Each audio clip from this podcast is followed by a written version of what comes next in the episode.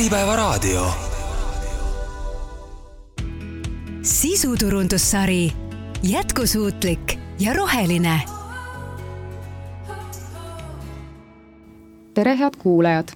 eetris on sisuturunduslik saade Jätkusuutlik ja roheline ning täna on meil külas Hyundai Motor Balticu juhataja Erki Ots ja ettevõtte müügijuht Marko Aalik. tere, Erki! tere! tere, Marko! tervitus! Saadet juhib Kadrin Kahu Hyundai mootorkompanii on asutatud tuhande üheksasaja kuuekümne seitsmendal aastal ja praegu projekteeritakse, konstrueeritakse, toodetakse ning testitakse üheksakümmend protsenti Hyundai autodest Euroopas. ettevõtte disainikeskus asub Saksamaal ja Eesti turule jõudvad autod on valmistatud Türgi, Tšehhi ja Korea tehastes. ja tegelikult Koreas asubki Hyundai kõige suurem ja üks ka maailma suurimaid äh, autotehaseid, Ulsan, ja seal toodetakse aasta jooksul kokku üks koma kuus miljonit sõidukit. Hyundai äh, on oma tootearenduses rõhku pannud sellele, et turvalisuse ja mugavuse kõrval tuuakse siis tugevalt välja, äh, et eesmärk on toota võimalikult väikese keskkonnamõjuga sõidukeid. kas see väike keskkonnamõju on ka üks põhjuseid, mis teid endaid selle Hyundai juures paelub? jaa, kindlasti, noh ega Eestis väga palju toetusi elektriautodele pole, aga ma tulin ise ka siia praegu Hyundai elektriautoga ja vähemalt siin kesklinna tsoonis on parkimine tasuta. et hea rahulik oli panna tänava äärde ja raha ei pea maksma, eks, aga õnneks on Eestis niisugune elektriauto ostutoetus äh, neli kuni viis tuhat eurot, mis kindlasti aitab inimesi sisepõlemismootoriga autode pealt sinna ümber istuda.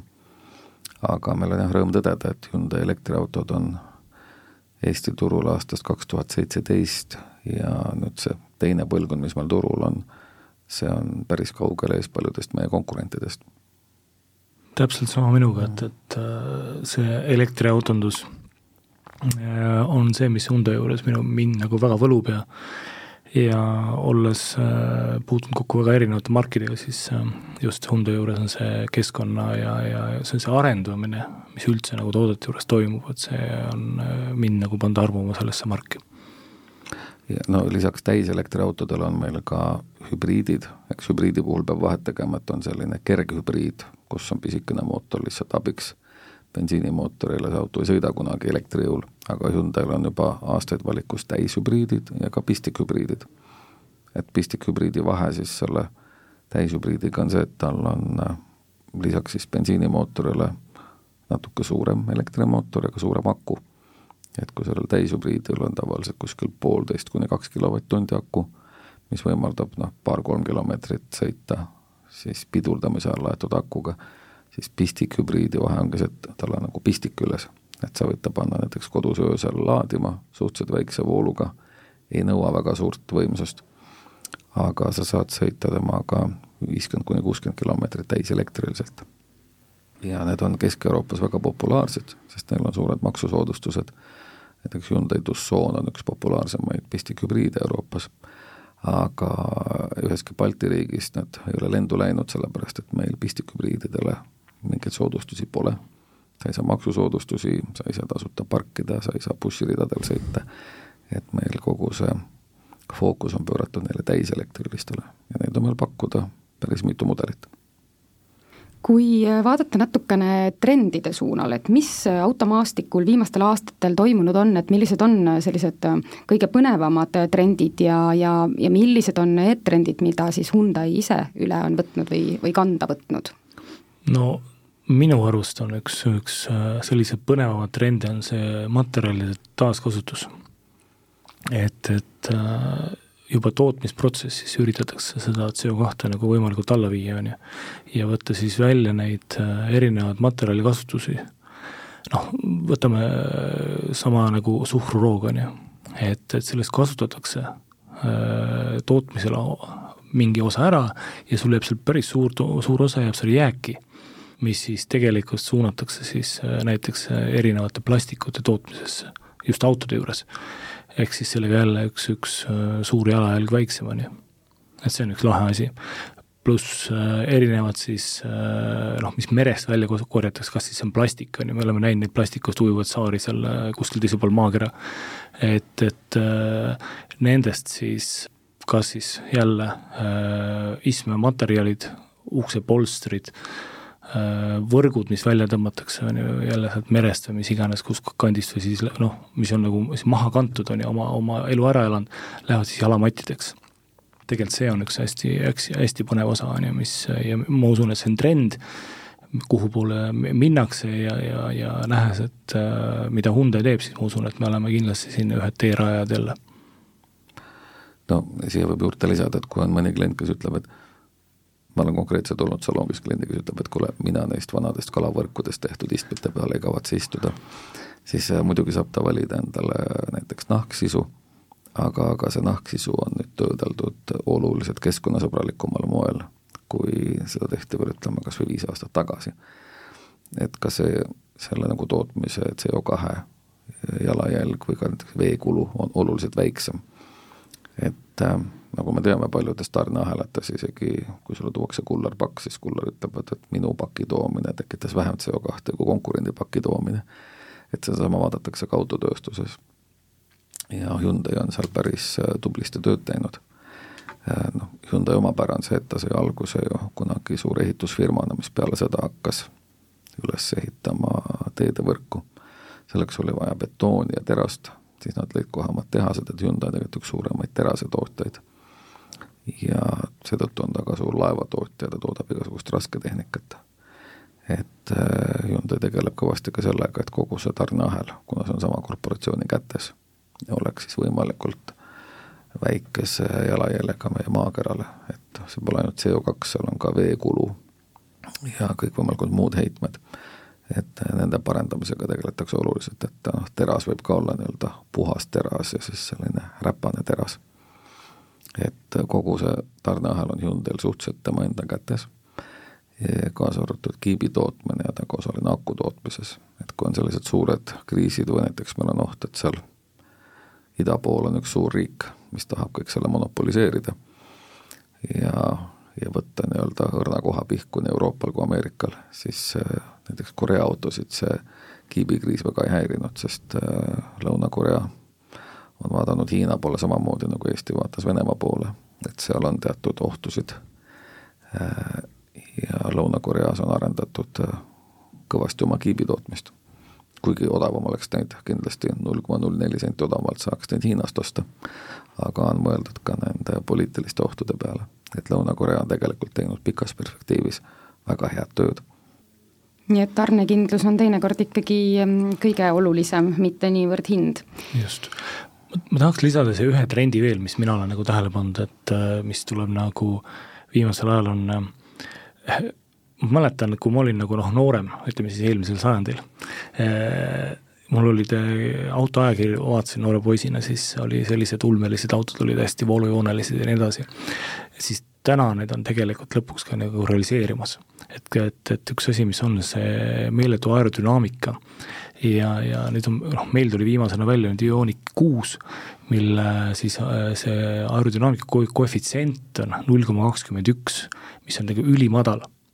Et siin äh, tavaautod on võib-olla kuskil seal niimoodi kakskümmend üheksa, null koma kakskümmend üheksa, null koma kolmkümmend pluss, on ju, siis äh, nüüd viimasel ajal on hakanud turule jõudma selliseid autosid näpuotsaga alles, millel on null koma kakskümmend kaks ja kakskümmend kolm ja, ja, ja üks on ka kakskümmend, on ju, aga nüüd Ioniq kuus on seal kakskümmend üks, mis on nagu selle trendi nagu täiesti tipus, mis annab jälle sellise äh, ökonoomsuse.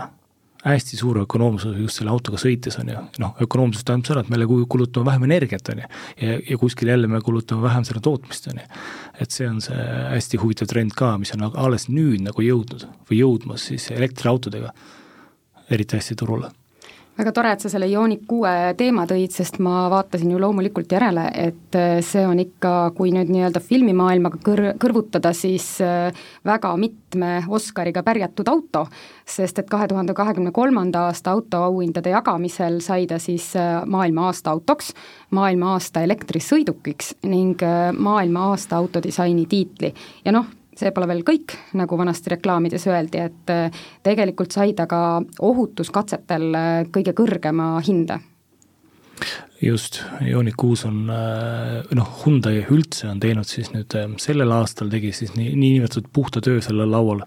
ja, ja, ja nagu sa ütlesid, see ei ole veel kõik, aasta tagasi tegi Ioniq viis täpselt samasuguse, on ju, puhta lauatöö, on ju.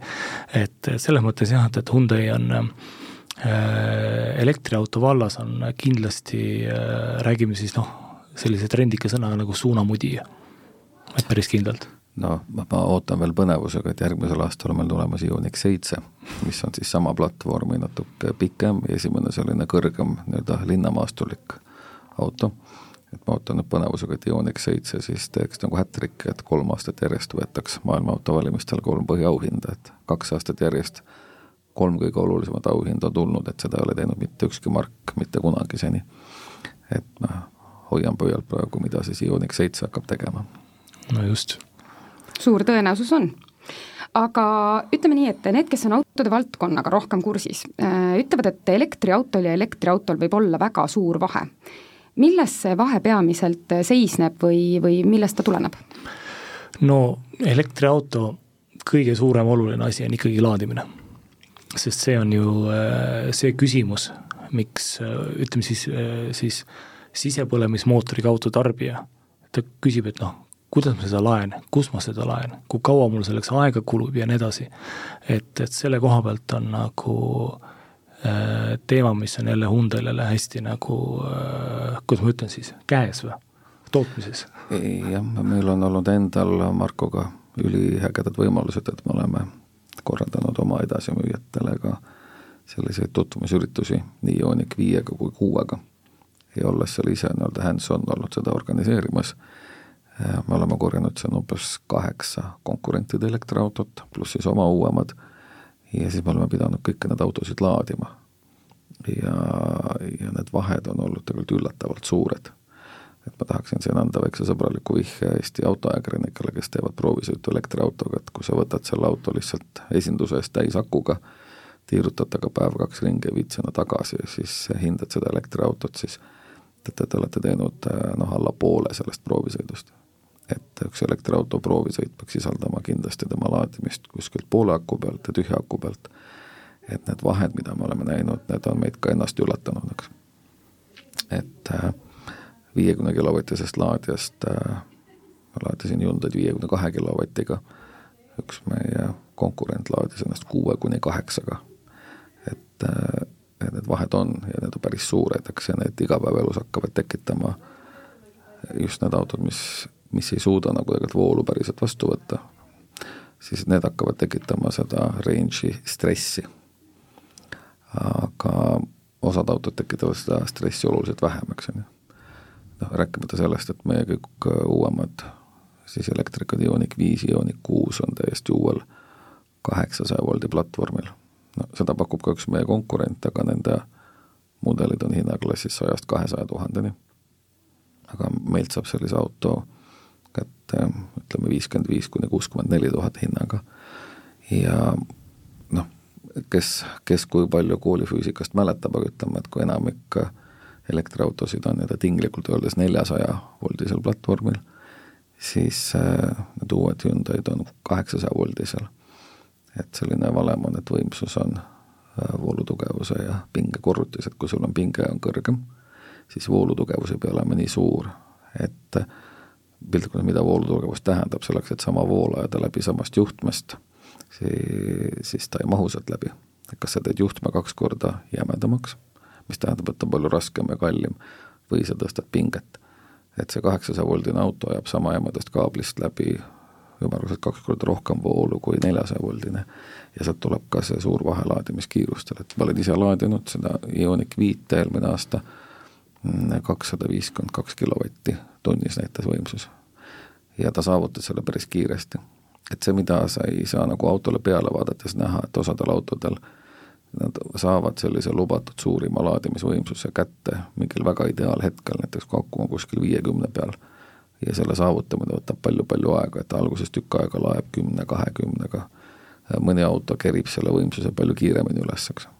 ja tegelikult tuleb laadida ja miks ma julgen seda siin praegu eetris rääkida, sellepärast et me oleme ise kogenud nii-öelda ise, ise ka konkurentide autosid laadides ja ise erinevate Hyundai elektrikatega sõites, et Hyundai on reaalselt üks parimaid. ja see võtab selle laadimisstressi maha, sest täna reaalselt ma võin öelda, et ma võin sõita selle sama Ioniq kuuega rahulikult Vilniusesse, ma võtan siit hommikul täisakuga, ma teen tee peal saja viiekümne kilovatise laadi juures ühe sellise kahekümne viie minutilise peatuse, keegi meist ei sõida, kui just friigid välja võtta, ei sõida kuutesada kilomeetrit ilma ühegi peatuseta, ja selline üks nii-öelda tualeti, väikse söögi ja teepeatus, kakskümmend viis minutit, ma sõidan sellega rahulikult ära Vilniusesse, mul jääb veel varuks ka veel Vilniuse vahel koperdamiseks. ei ole mingit stressi ma just tahtsingi siia Erkile vahele ja vahele niimoodi sutsata, et et see, see jah, see nagu mõte või inimesed, kes mõtlevad niimoodi, et, et me peame nüüd kuskilt väga pika pause planeerima, siis tegelikult võtta üks noh, sa ei sõida, on ju, Vilniusesse otsaga, ühe otsaga, isegi Riiga sa ei sõida tavaliselt, ikka vahepeal kuskil peatud, on ju. ja, ja mis tähendab seda, sa käid tualetis, võtad oma kas siis kiirsöögi või mis iganes asja ja sa, sa roolis niikuinii ei söö. sul kulub viisteist, kakskümmend minutit ja kui sul on selline kaasaegne kiirlaadija, siis äh, noh, meie autod siin laevad äh, kakssada viiskümmend kilomeetrit pluss, on ju, selle ajaga, siis ei, ei ole küll mingit vahet, et millise autoga sa lähed, on ju, aga me ei räägi ainult noh, üks asi on siis äh, reisimine, lihtsalt sõitmine, siis elektriautoga reisimine, sõitmine on ju hoopis teine kui sisepõlemismootoriga autoga, sest sa sõidad vaikuses. see on üdini vaikne auto. et äh, väga paljud elektriauto inimesed ei pane äh, muusikat käima, sest nad naudivad seda äh, täiele, täielikku vaikust seal autos just äh, ma tahtsin veel lisada, et Eestis on hästi palju sellist pinnatud asfaldit, kus isegi väga kallid ja hea müraisolatsiooniga autod teevad kõva müra. kui me jõuame Kesk-Euroopasse, kus on soojem, seal on väga palju ju asfaltbetooni, mis on palju siledam ja vaiksem tegelikult. ja kui sellisele teele saad elektriautoga, siis sa tõesti lihtsalt imestad, et see auto nagu kulgeb, et niisugune ja näiteks võtame sellesama Ioniq kuue, mis on veel ülimalt aerodünaamiline, sul ei ole ka suurt tuulevihinat, et et mul isegi laps küsis, et kuule, et kas me nagu seisame või, ma ütlesin ei, et me sõidame praegu üheksakümmend viis kilomeetrit tunnis, eks. et äh, see on, see on väga üllatav ja tegelikult see on nauditav. on seal mingit vahet ka nii-öelda kohalt minemisel ja särtsakusel? jaa, kindlasti. see huvitab mind hästi äh, elektriauto vääne hakkab nullist ja, ja tavaliselt on see vääne siis väga-väga suur ja, ja tõesti see Äh, kuidas me nimetame, sportlik minek või siis tõmme või kuidas tahame nimetada, siis fantastiline. mul on äh, äsja just endal üks äh, sõpruskonnas üks noh, nimetame siis klient, hea sõber, sai Ioniq viie hiljuti kätte ja ja ta tuli ühe Saksa automargi pealt, mis on kolme tähega, mis on ka väga sportlik. ja, ja ta on, nii palju, kui ma teda näinud olen, siis ta nägu on naerul ta on nii rahul, ütles, et nagu paremat asja nagu selles mõttes äh, noh, ei ole talle nagu siiamaani pakutud, et et ka jälle dünaamika, vaiksus, mugavus, et, et äh, väga palju hakkab tulema selliseid noh, petrolheede elektriautode peale just sellepärast, et, et saab ka seda sportlikku et äh, meie autodel ma tean, et ajakirjanikud on käinud testimas ka, lülitanud välja neid erinevaid siis äh, seadistusi, tahavad seal driftida ja on võimalik küll, sest jõudu on autol väga palju. Mm. ma võin siin näidata, et mina ka natuke petrolheadina, mul on paar erinevat äppi, selline Race Logicu äpp ja ma katsetasin, siin on näha nullist sajani aeg on, kui palju neli koma üheksakümmend viis sekundit mm. -hmm. kui ma vaatan meie kodulehte, siis ametlikud andmed ütlevad viis koma üks sekundit. tegelikult äh, esimese katsega ilma midagi eriti üritamata ma sain, sain üle sekundi parema aja, et see auto ka reaalselt on nagu päris kiire. aga noh, selle sa katsetad nagu paar korda ära, eks, et on ju, ja tavaliselt sa sõidad ikkagi komfortasendis ja mis on Hyundai'l väga hea, et neil on kõigil olemas nii-öelda i-pedal, et Äh, mõnel meil konkurendil nagu kaks asendit, et auto nagu veereb, sest elektrimootor ise nagu automaatselt väga ei pidurda. ja mõnele tundub see väga võõrastav ja kuidagi tekitab hirmu.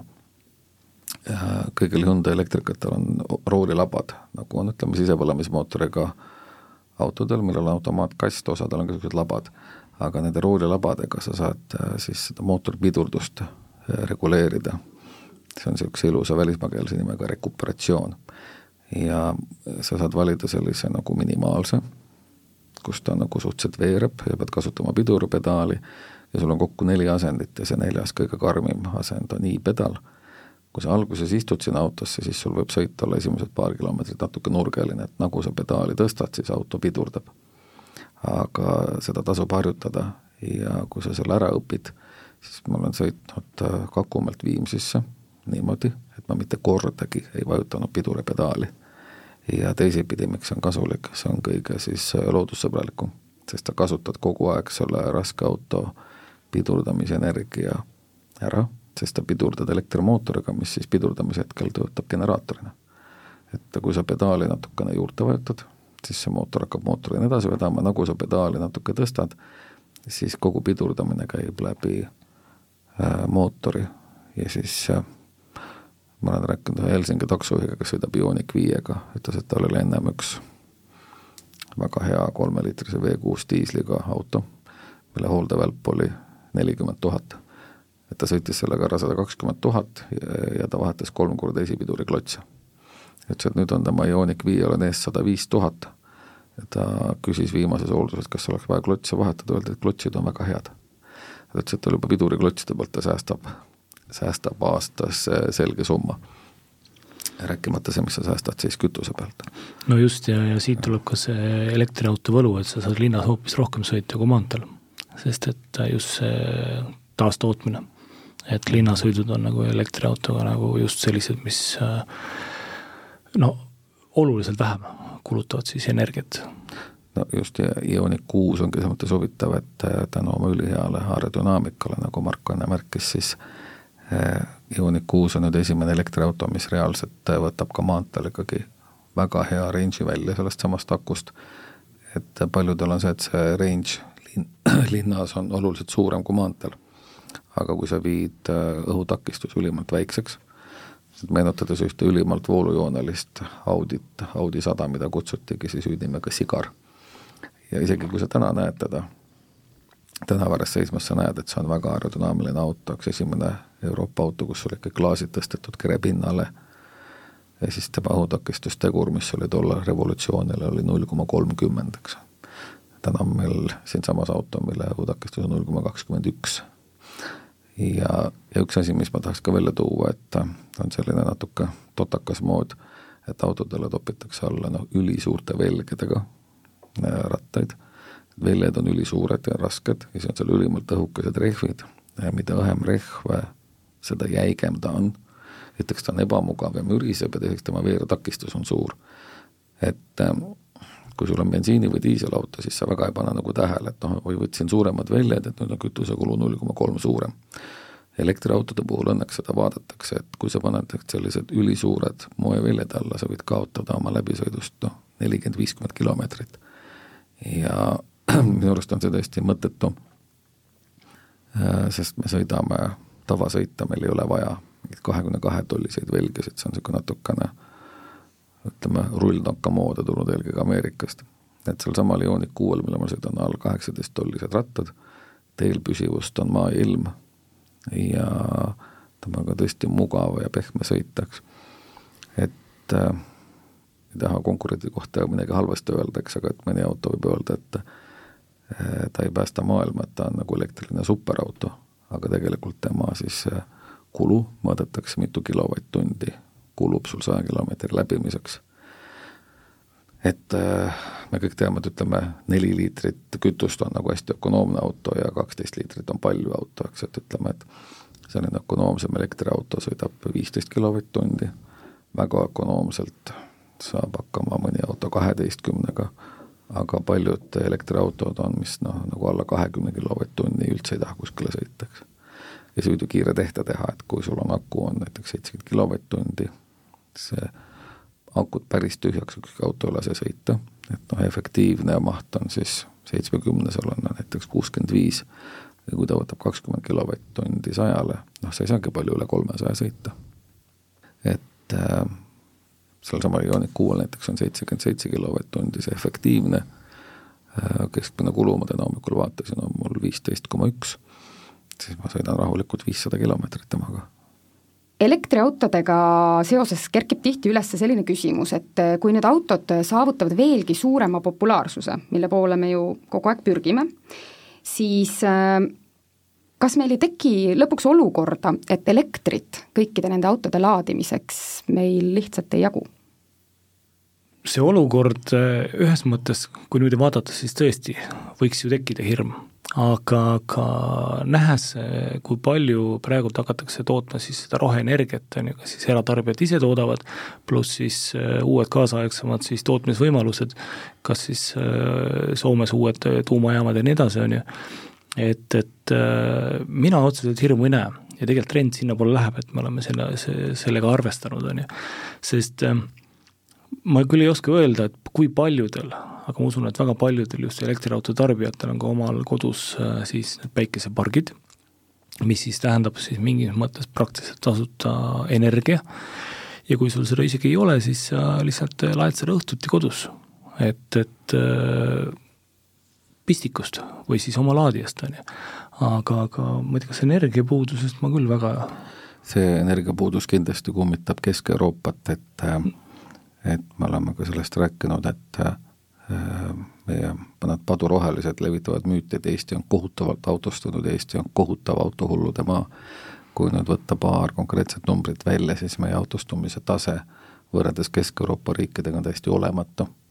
ja see on seda kummastavam, et seal on olemas sellised viieteist minuti linnad, eks on ju, see viieteist minuti linna idee pärineb tegelikult ka Pariisist, eks, et on ju, et seda levitada Eestisse, kus meil on hajaasustus meil puudub ühistransport ja meie uus valitsus isegi selle tasuta ühistranspordi, mis maapiirkondadesse äh, ütleme, noorte perede levimist soodustas, see ka veel ära võetakse, siis auto on ju oluliselt äh, tähtsam liikumisvahend äh, eestlasel kui näiteks tüüpilisel pariislasel. ja seal tekib tõesti probleem seda, et kui nad kõik lähevad väga kiiresti elektriautode peale, siis neil pole kuskil laadida, eks. Eestis on korterelamutes elavate isikute osakaal oluliselt väiksem, meil on palju inimesi, kes elavad rideelamutes või üldse eramutes, ja elektriauto tegelikult äh, kõige parem laadimine on aeglane laadimine, et me siin rääkisime sellest stressist ja kiirlaadijatest, äh, kõik need kiirlaadijad on alati kallimad, keegi pidi ju selle kalli kiirlaadija ostma, sinna liitumise ostma, juhtmed tõmbama, teda haldama et tegelikult kõige jätkusuutlikum elektriauto pidamine ikkagi see, kui sa laed teda öösel ja kodus. no või laed ka näiteks töö juures, meil on küll kliente, kellel on pandud töö juurde laadija, mida võivad kasutada kliendid, aga kui ükski klient seal ei ole, siis laetakse eh, firma enda töötajate elektriautosid ja see on ka aku elueale kõige parem. et eh, mida aeglasemalt sa laed, seda kauem ka sinu aku kestab. ja nad on väga head võrgu tasakaalustajad, sest öösel, kui muidu tarbimine kukub, noh, paljud eestlased vaatavad just juba viis korda tunnis Eesti Energia äpist seda elektri hinda, eks, et siis te teate väga hästi, et öösel on elekter kohati täiesti naeruväärselt odav, eks. ja sel ajal sa vaikselt laed seda elektriautot ja noh, nagu Marko ütles, et äh, kui sul on hea elektriauto ja sa sõidad tavalise eestlase selliseid linna ja linnalähisõite, eks, et on ju, siis sul seda äh, tülikat juhtme paigaldamist autosse äh, mõnel juhul võid sa teha seda kord kahe nädala jooksul või noh, kui sa tahad, et sul on mingi varu või meelekindlus, siis kord nädalas panna see kaabel auto külge. kuulge, see ei ole ju midagi keerulist, eks, et on ju. see ei ole midagi keerulisemat, kui panna bensiini- või diislipüstol, mis veel lõhnab ebameeldivalt, eks on ju. elektriauto pistik ei, ei lõhna ei bensiini ega diisli järgi, eks ja see sinna sisse pista ja välja võtta ei ole midagi keerulist, eks.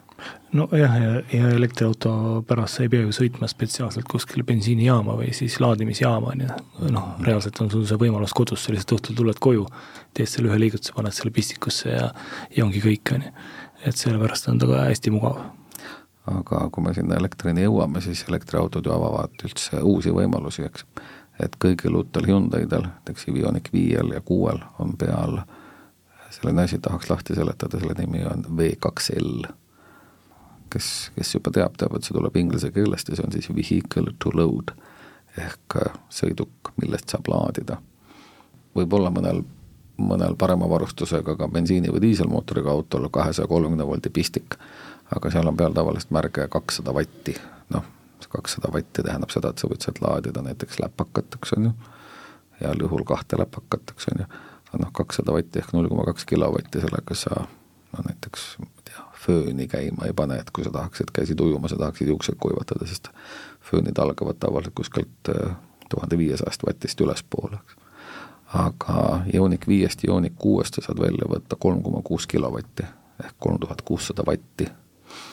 noh, esimesena seostub jah, et käisid ujumas, võtsin ta panna ka kõige võimsama fööni taha, siis kui on juuksed ära kuivatatud ja tuld ei tohi ju teha, eks ju siis see Ioniku omanik võtab äh, pakiruumist väikese elektrigrilli, paneb selle pistiku sinna Ioniku adapterisse, mis on tal alati standardvarustuses, ja elektrigrillid vaatasin pärast on üldjuhul kaks tuhat kuni kolm tuhat vatti.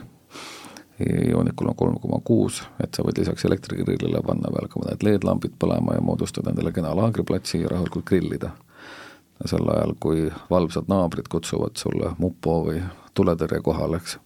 et keegi grillib seal, eks on ju, et aga ma grillin, sest elektrigrill on ju lubatud ja see on ohutu.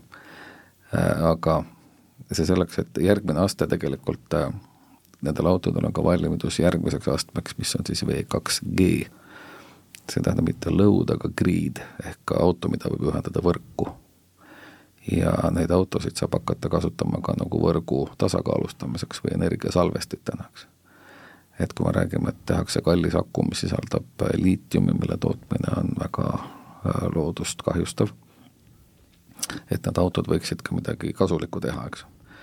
ja need autod saavad tulevikus olla kõik energiasalvestid ühendatuna võrku, lihtsalt praegu seal on, ütleme, administratiivseid ja ütleme, kuidas öelda, juriidilisi asju, mis on vaja tasa, kuidas öelda, paika saada, aga nendel autodel on, on valmidus äh, peale tarkvarauuendusi olema ka võrguosad, et täna sa saad Ioniq viiest, Ioniq kuuest lihtsalt võtta oma tarbeks välja kuni kolm koma kuus kilovatti. tulevikus kõik need autod saavad olla võrguosad ja tasakaalustada võrku, sest nagu on räägitud, eriti tuuleenergia ja päikeseenergia on sellised juhitamatud energiat, et neid vahel on ja vahel ei ole ja see ei sõltu sellest, kuidas tarbijad tahavad elektrit tarbida, vaid sõltub, kuidas jumal annab päikest ja tuult ja siis sellised võrgud vajavad selliseid tasakaalustusi ja selle asemel, et esitada kuskile üks tohutu suur aku, mille CO2 jalajälg oleks väga suur, saab hoopis võrku ühendada sujuvalt ja alajaamasid palju vähem koormavalt, äh, mida noh, laiemalt on need akud levinud, seda lihtsam on ju pidada ka võrku, eks on ju. Kõik needsamad joonikud saavad tulevikus olla võrgu tasakaalustajad. ja omanik saab ju siis ka sobival hetkel sealt odaval hetkel laadida oma autot ja kui elekter on kallis, loenõudlus on suur, siis müüa sealt tagasi, et teenida väikse lisakopika.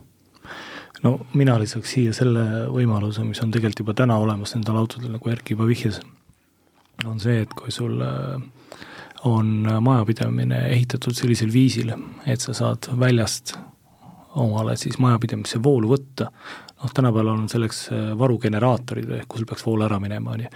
et on ostetud kokku ja siis sul on seal, ostad sinna diislikütust sisse ja, ja et see töötaks ja jälgid seda asja. siis täna on äh, noh, võtame siis Ioniq viie või Ioniq kuue omanikul on see võimalus, et äh, kui mul majapidamises voolu ei ole, ma ühendan auto maja külge, kus on elektrisüsteem vastavalt üles ehitatud, siis sa saad siis majas tarbida kolm koma kuus kilovatti elektrit, mis siis tähendab ära, et sul on seal sees äh, mingi pliidi saad söögi ära tehtud, lülitad selle välja, sa saad panna rahulikult oma LED-tuled teleka mängima, sa, sa vaatad lihtsalt samal ajal, jätkad oma tavalist elu, kui noh, ütleme siis naabrid on äh, küünlavalgel, on ju. et, et selline võimalus on täna reaalselt olemas ja, ja tegelikult väga paljud ei tea seda, et seda saab kasutada ja see on äh, minu meelest väga, väga selline jätkusuutlik teema jälle minu meelest me rääkisime enne saadet natukene ka sellest, et sealt saab isegi DJ puldi käivitada ja kõlarid.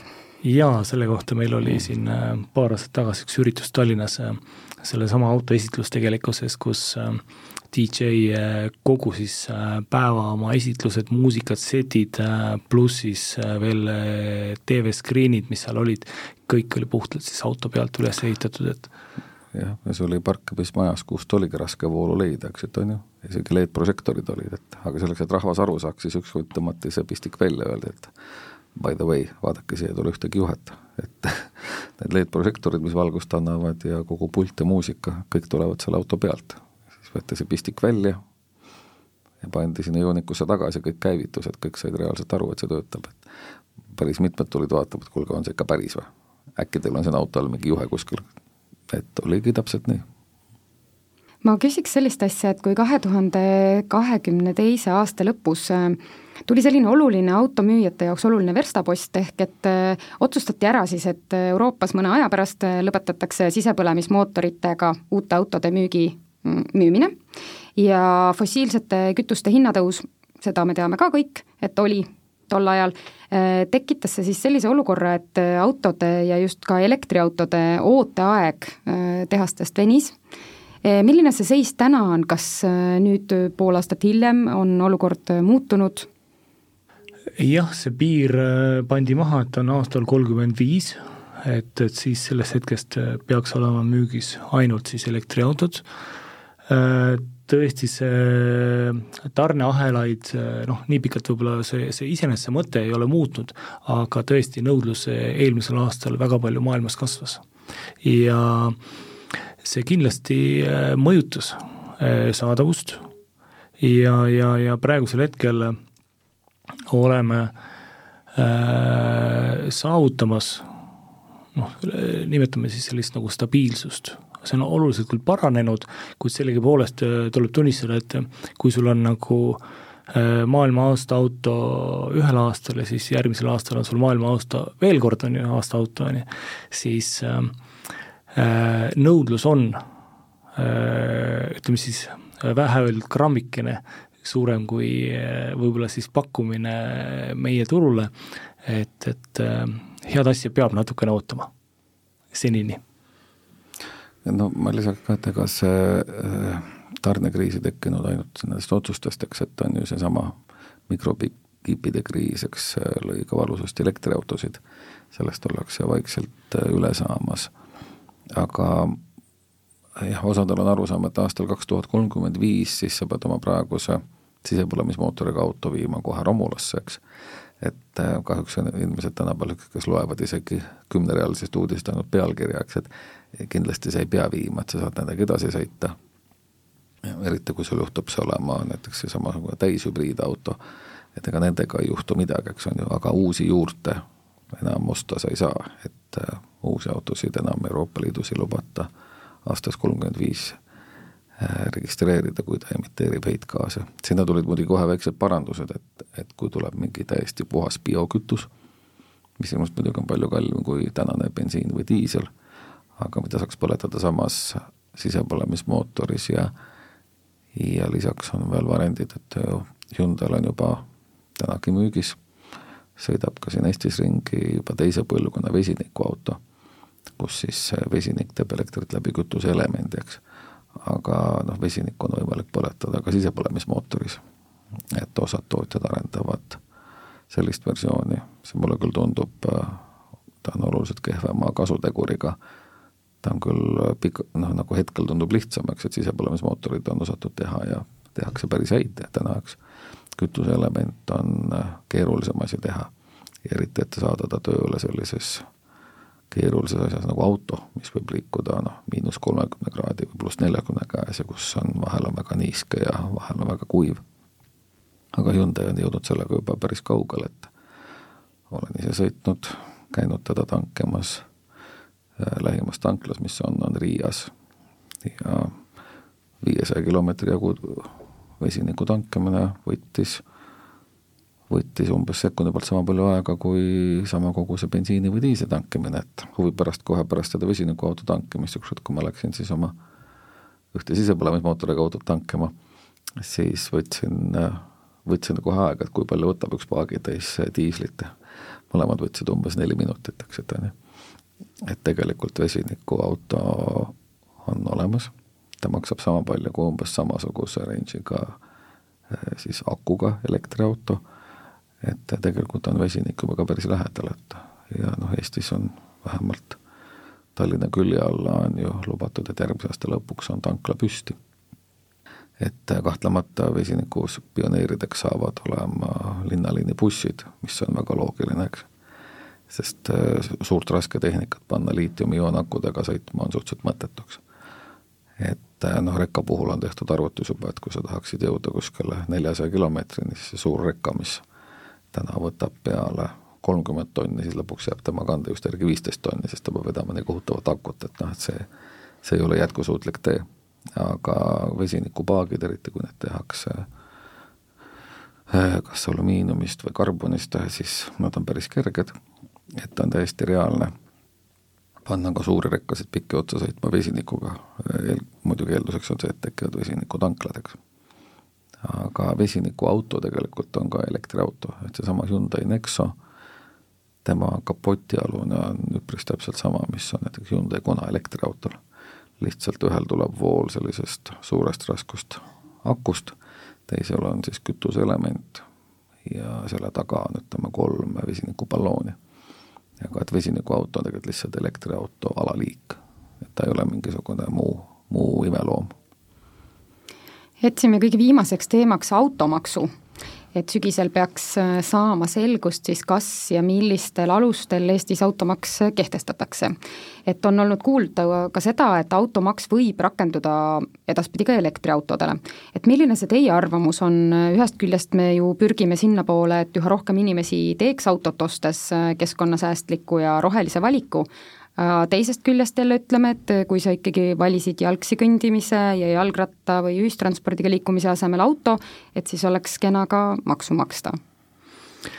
no kõik inimesed ilmselt ei saa sõita jalgrattaga ja kõndida jala, kas siis äh, tulenevalt elukohast või, või, või töö, töö, töö, ütleme siis töökohast, kus ta asub, et, et ikkagi tuleb autot kasutada. Äh, kui nüüd ma ütlen puhtalt enda arvamuse, on ju, siis äh, mina, mina nagu noh, elektriautole nagu sellist aasta või automaksu määramist nagu ei pea õigeks, on ju.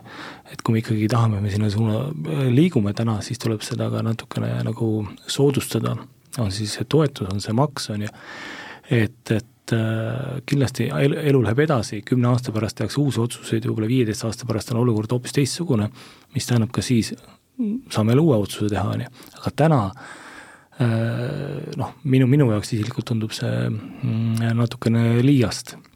Kunagi alustati ju sellega, et pakuti ka tasuta parkimist hübriididele, on ju, hakati siis nagu selliseid autosid soodustama ja see oli niisugune huvitav asi, on ju. lõpuks oli neid hübriide nii palju, et see soodustus kadus ära, on ju, siis tekkis elektriautodele selline soodustus, on ju.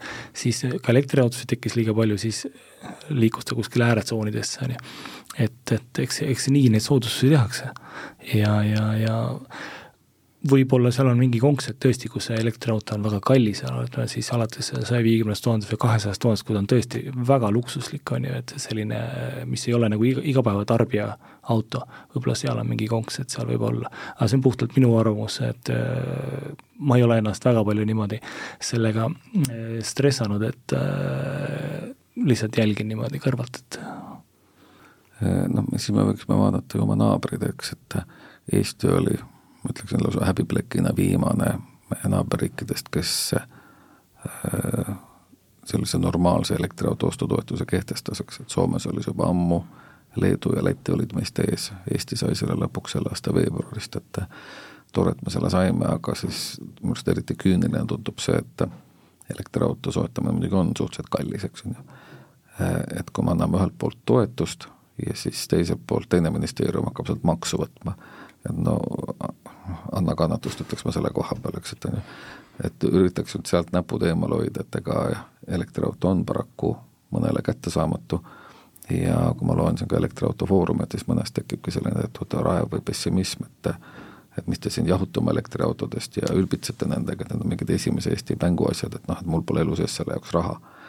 Et äh, ma ütleks enne ka, et võtke nüüd asja rahulikult, eks, et et äh, seesama toetus ongi selleks tehtud ja mida rohkem turg kasvab, siis tuleb ka järjest mõistlikuma hinnaga elektriautosid, et noh, ka meil on näiteks ühe kampaania korras elektrikuna, kui sealt toetus maha võtta, saab kätte alla kolmekümne tuhande, eks, et et see ei ole ka kahjuks kõigile eestlastele jõukohane sellist autot liisida, aga ikkagi on päris palju eestlasi, kes suudavad endale liisida sellise auto ja kui sa saad teda just näiteks öösiti odavalt laadida, siis teisipidi arvestad see auto omamiskulu ju kokku äh, on ju auto nii-öelda liisingukulu, pluss siis kütuse ja hoolduse peale kuluv raha.